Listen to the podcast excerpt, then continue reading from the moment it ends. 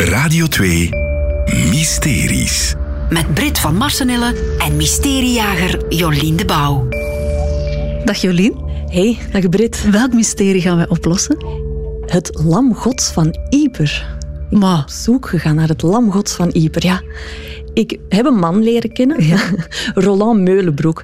En Roland is eh, gepensioneerd, al een jaar of tien. Ja. En net na zijn pensioen is hij in de kathedraal van Ieper, in het archief gedoken, om informatie te vinden over zijn schilderijen. En hij heeft daar een brief gevonden. Een brief uit 1923 was dat. oké. En eh, daarin stond dat ene luitenant Stork, hè, we zitten in Yper, dus de Eerste Wereldoorlog, eh, luitenant Stork die zou daar schilderijen uit de kathedraal gehaald hebben en begraven ergens in Yper. En waarom? Om ze te redden van eh, het Duitse oorlogsgeweld. Ja, de- Heel ze- slim. ja, ze wisten, dat gebeurde trouwens wel vaker, hè, dat, ehm, dat soldaten kunst meenamen. Niet altijd om te redden, maar als souvenirtje bijvoorbeeld. Dat, eh, dat gebeurt wel geregeld. Ehm, maar die schilderijen zouden dus ergens onder de grond liggen in Yper, al meer dan 100 jaar. En nog steeds tot op de dag van vandaag. Dat weten we dus niet. Of dat wisten we bij aanvang van het mysterie niet. En? Wel, we zijn op zoek gegaan. We zijn eerst naar de archeologen gegaan. Want in Yper wordt wel vaker eh, archeologisch onderzoek gedaan. Ja. En nu zijn er ook enorm veel werken. Als je in Yper bent, dan zal je dat wel zien. Er, ja, heel Yper ligt eigenlijk open. Dus Roland die gaat ook naar al die opgravingen kijken. Hè, die staat er elke dag. Op zoek naar een schilderij. Ja, die staat er dan te loeren of, of er niets boven komt. Want eh, ja, die, dat is al meer dan tien jaar dat hij zijn leven wijdt aan die zoektocht naar de schilderijen. Ja. Want het is niet helemaal zeker waar ze juist liggen. We hebben wel een paar aanwijzingen. Dus in de brief staat tussen de lakenhallen en de kathedraal. Maar bon, dat is nog enkele vierkante meters toch die je zou moeten gaan openspitten om ze te vinden. En weten we eh, welke schilderijen en hoeveel schilderijen ze zoeken? Ja, het zouden er 15 à 19 zijn. Dus allemaal schilderijen uit de kathedraal. Ja. Die, die soldaat heeft dan eigenlijk met een mes alles uit de kaders gesneden. We weten ook niet hoe ze zijn opgeslagen. Heeft hij die in een doos gestoken of Opgerold? zo? Op de, ja, dat weten we dus niet, want dat staat niet in die brief. Maar de soldaat heeft wel op zijn ziekbed, want het was eigenlijk op zijn ziekbed dat hij zei "Goh, ik wil eigenlijk dat die wel eh, gevonden worden, dat ze mij dan nog iets laten weten. Dat is een beetje mijn laatste wens, hè, dat, Ja. dat die teruggevonden worden. En hij heeft ook een kaartje getekend. Kijk, een soort van schatkaart. Ik heb die hier. Hè? Je hebt de schatkaart mee? Ik heb de schatkaart mee. Die zat dus ook ergens in het archief. Die Ja. heeft daar eh, decennia lang gewoon gelegen. En die heeft Roland dan ook gevonden. En je ziet hier twee torens heeft hij getekend. Ja. ja. En dan een kruis. En ergens op het kruispunt tussen die twee torens zou het liggen.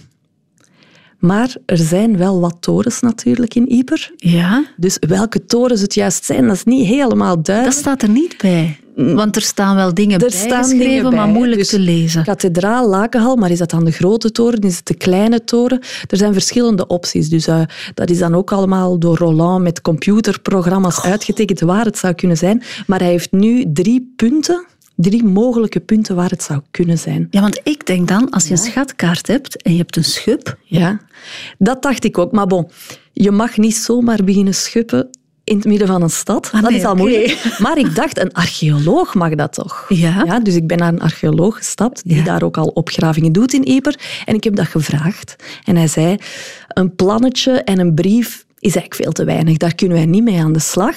Maar het is toch een duidelijke schatkaart? Ik vind dat ook.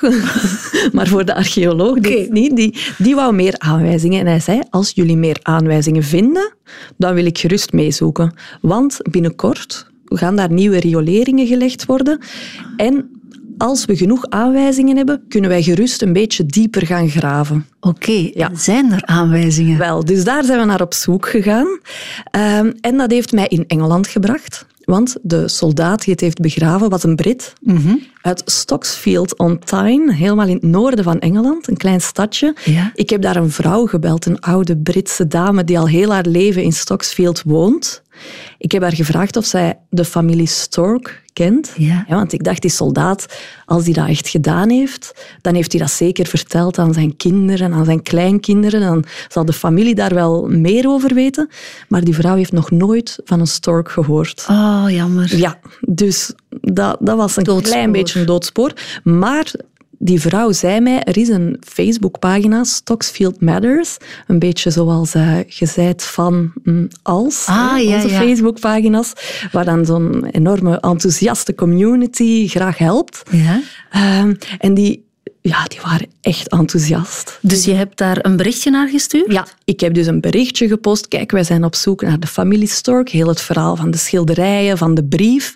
Ehm, en dan zijn er mensen voor mij gaan zoeken in de uh, Wargrave uh, memorials. En ja, ik heb een hele lijst namen gekregen, een hele lijst van storks. En in de Eerste Wereldoorlog hebben er 213 storks gevochten. Oei, dat is in wel het Britse veel. leger. Ja, ja. Daar zijn er twee uitgekomen die uit de regio kwamen. Ja. Um, maar daar heb ik tot op heden nog niet meer over kunnen ontdekken over die twee uh, storks. Maar dat zouden dus wel onze storks kunnen zijn. Ja. Ja, dus, dus- die zoektocht loopt nog. Die zoektocht loopt zeker nog. Ja. ja, ja. En nu is het wachten op meer aanwijzingen, zodat Ja. archeologen misschien alsnog met deze schatkaart aan de slag kunnen gaan. Ah wel, eigenlijk zijn er al archeologen bezig, want wij hebben contact gehad met eh, de Universiteit Gent Ja. en daar gebruiken archeologen een soort bodemscanner. Dus een toestel, een, een grote machine eigenlijk, waarmee ze gaan rondrijden om te kijken wat er onder de bodem zit. En dat gaan ze nu al doen. Wel, nu nog niet, maar ze zeiden, ja, wij zijn wel echt bereid om eens tot in Ieper te komen, om daar eens te komen kijken wat er onder de grond zit. Misschien kunnen we het zien liggen. Ik ben anders ook wel bereid, Jolien, als je mij nu die schatkaart geeft, dat ik naar huis ga om een schub te halen en dan ga ik naar Ieper vertrekken. Wel, Brit, ik moet je teleurstellen, want ik ben er ook geweest met mijn schub. en ik raakte niet door, eh, door de kasseien. Dus als je een drillboor hebt liggen, kan je daar misschien mee gaan? Toevallig niet, nee. Nee, dat is jammer. Nee, sorry, dan gaat het niet lukken. Dus het is echt wachten Ja, wanneer ze de schilderijen daar boven de grond halen. Kijk, ze liggen er al meer dan 100 jaar. Een paar maandjes wachten zal nog wel kunnen. Geduld loont misschien. Ja. Dank je wel, Jolien, om dit mysterie op te lossen. Dank je. Meer mysteries? Volg alles in de Radio 2-app.